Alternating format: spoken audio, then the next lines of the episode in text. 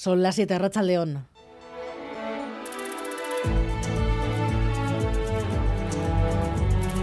Gambara con Arancha García.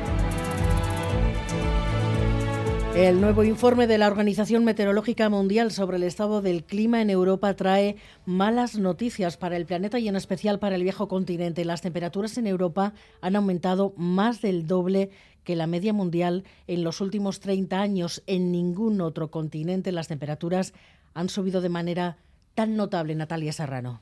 Europa, dice el informe, es el vivo reflejo de un mundo que se calienta. El ritmo es de medio grado más por década. Como resultado, los glaciares alpinos, ha monitorizado el informe, han perdido 30 metros de espesor de hielo en los últimos 10 años. Europa registra así temperaturas excepcionalmente elevadas tras un verano marcado por sucesivas olas de calor. Los más de 25 grados de media registrados en zonas del continente son entre 10 y 15 15 grados más de lo que sería normal. Señala que el cambio climático se está acelerando en el viejo continente. El informe de la Organización Meteorológica Mundial alerta además de que el aumento de la temperatura en los últimos 30 años en Europa es más del doble que en nivel mundial. En la situación global europea, Natalia, Euskadi no es una excepción. De hecho, en Euskadi en el pasado mes de octubre las temperaturas máximas fueron 4 grados y medio más altas que en los últimos cinco años y en el mar Asti ha registrado picos de temperatura en superficie de 26 grados.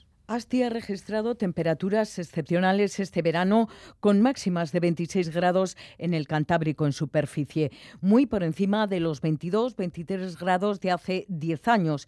El calor atmosférico, la poca nubosidad, la ausencia de oleaje y de viento han hecho que las temperaturas del agua en superficie hayan sido excepcionales. Subida que con las borrascas acaba trasladándose a los fondos marinos y se traducen luego en una subida del nivel del mar.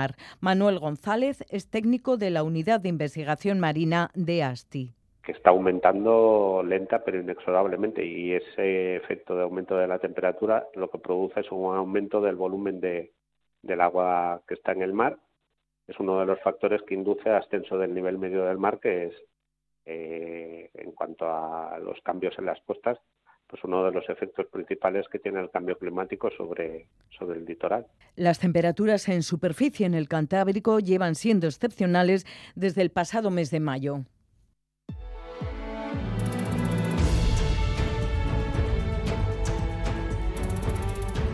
Esta es la noticia que queríamos destacar hoy. El cambio climático ya es una evidencia, pero además los partidos empiezan a mostrar sus cartas de la negociación presupuestaria. El miércoles que viene primeras reuniones, pero EH Bildu ya adelanta que para reeditar el acuerdo del año pasado tendrá que haber cambios estructurales. Y en un momento en el que, según palabras del propio Lendakari, del la única certeza es la incertidumbre y que lo peor está por llegar, este Gobierno nos presenta el mismo esquema y se conforma con capear el temporal. La cuestión es que esto no es una tormenta, estamos ante un cambio de época y hay que cambiar sí o sí el rumbo de las políticas públicas que nos han traído hasta aquí. Pues el consejero Azpiazu ya responde que ganas de acuerdo sí, pero que cambios estructurales no los va a haber.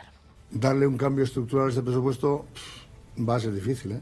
Va a ser difícil darle un cambio estructural. No quiero cerrar ninguna puerta ni decirles que no. si ustedes vienen con un cambio estructural, pues tendrá que, tendrá que explicarlo muy bien para, para ver cómo hacemos, porque estas cuestiones que son básicas están en el presupuesto y no se pueden cambiar porque es lo que tenemos que hacer, porque es lo que cree el gobierno que debe hacer dada esta situación y con los recursos que cuenta. En unos minutos entrevistamos aquí en Gambara a Antonio Ortuzar. Y los sindicatos no descartan volver a la huelga en el metal de Vizcaya. Hoy era la última jornada de paros de momento.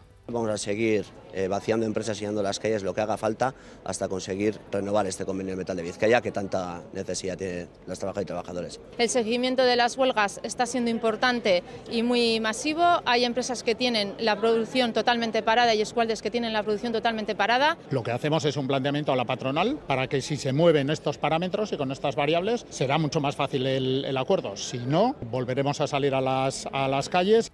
Debía haberse llamado Hacía es lo que querían sus padres, pero una jueza de Gasteiz ha dicho que no, y no solo eso, le ha puesto ella el nombre David Beramendi. La jueza de Vitoria impone su voluntad. La niña no se llamará Asia tal y como querían sus padres, se llamará Cia, Z-I-A. Es decir, la jueza opta por un nombre en latín que fonéticamente es muy parecido y que además significa lo mismo, semilla, pero el caso es que Cia solo tiene esa única acepción, la de semilla, y no como hacía en euskera que tiene varias traducciones, entre otras semen. Y ahí radica todo el problema, según sospecha la familia. Rosa María Manteiga es la abuela de la niña. Asía en sí es semilla. Una semilla es un germen y el semen es una semilla. Entonces sí, pero los padres, para ellos es su semilla y bueno, que tenga dentro de otros contextos otro significado, a nosotros no nos importa, la verdad, y pensamos que tampoco va a ser algo negativo para la niña. Sigor es castigo. Mm, nadie que se llame Sigor se va flagelando por ahí. Oficialmente la jueza no ha dicho que el problema esté ahí. Insiste en no aceptar a CIA porque es un sustantivo y porque no hay nadie que se llame así. La familia se ha puesto en contacto con India y desde la academia responden que ellos no ven ningún problema. La familia anuncia que recurrirá a la Dirección General de Seguridad Jurídica y Fe Pública en Madrid. Bueno, pues así están las cosas y los deportes Edu García, Rachaldeón. ¿Qué tal, Rachaldeón? Pues con menos eh, presión, evidentemente. Partido de Liga, punto en directo en Eibar, ahora mismo en Ipurúa, con el duelo entre el conjunto armero y el Lugo en la decimocuarta jornada. ¿Qué tal, Alberto Nero, Rachaldeón?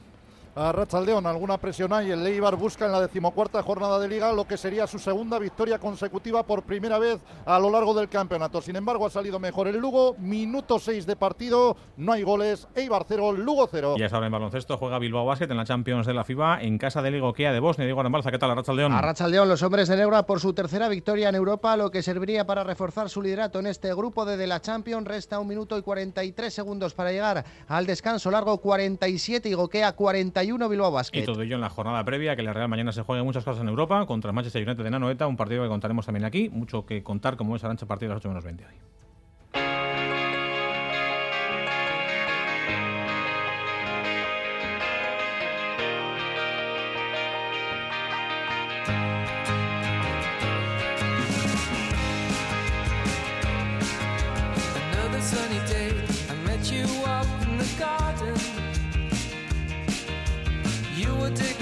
¿Se han fijado alguna vez en que los asistentes de voz que nos rodean tienen casi siempre voz femenina? Es una práctica machista, muy machista para algunos. Desde este pasado fin de semana, Alexa ofrece la opción de hablar en masculino, un caso en el que ha puesto el foco Xavier Madariaga.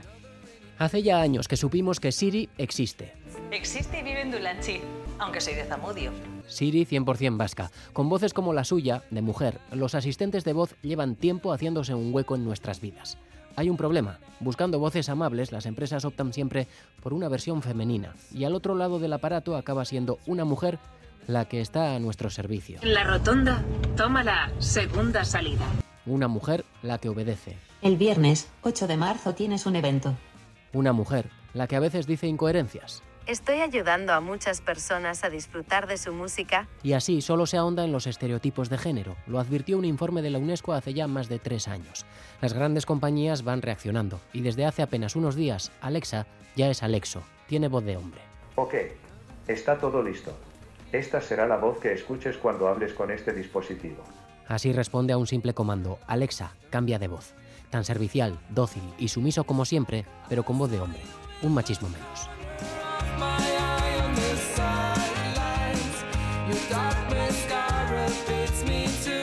Miguel Ortiz y Arancha Prado están en el control técnico, Cristina Vázquez en la producción.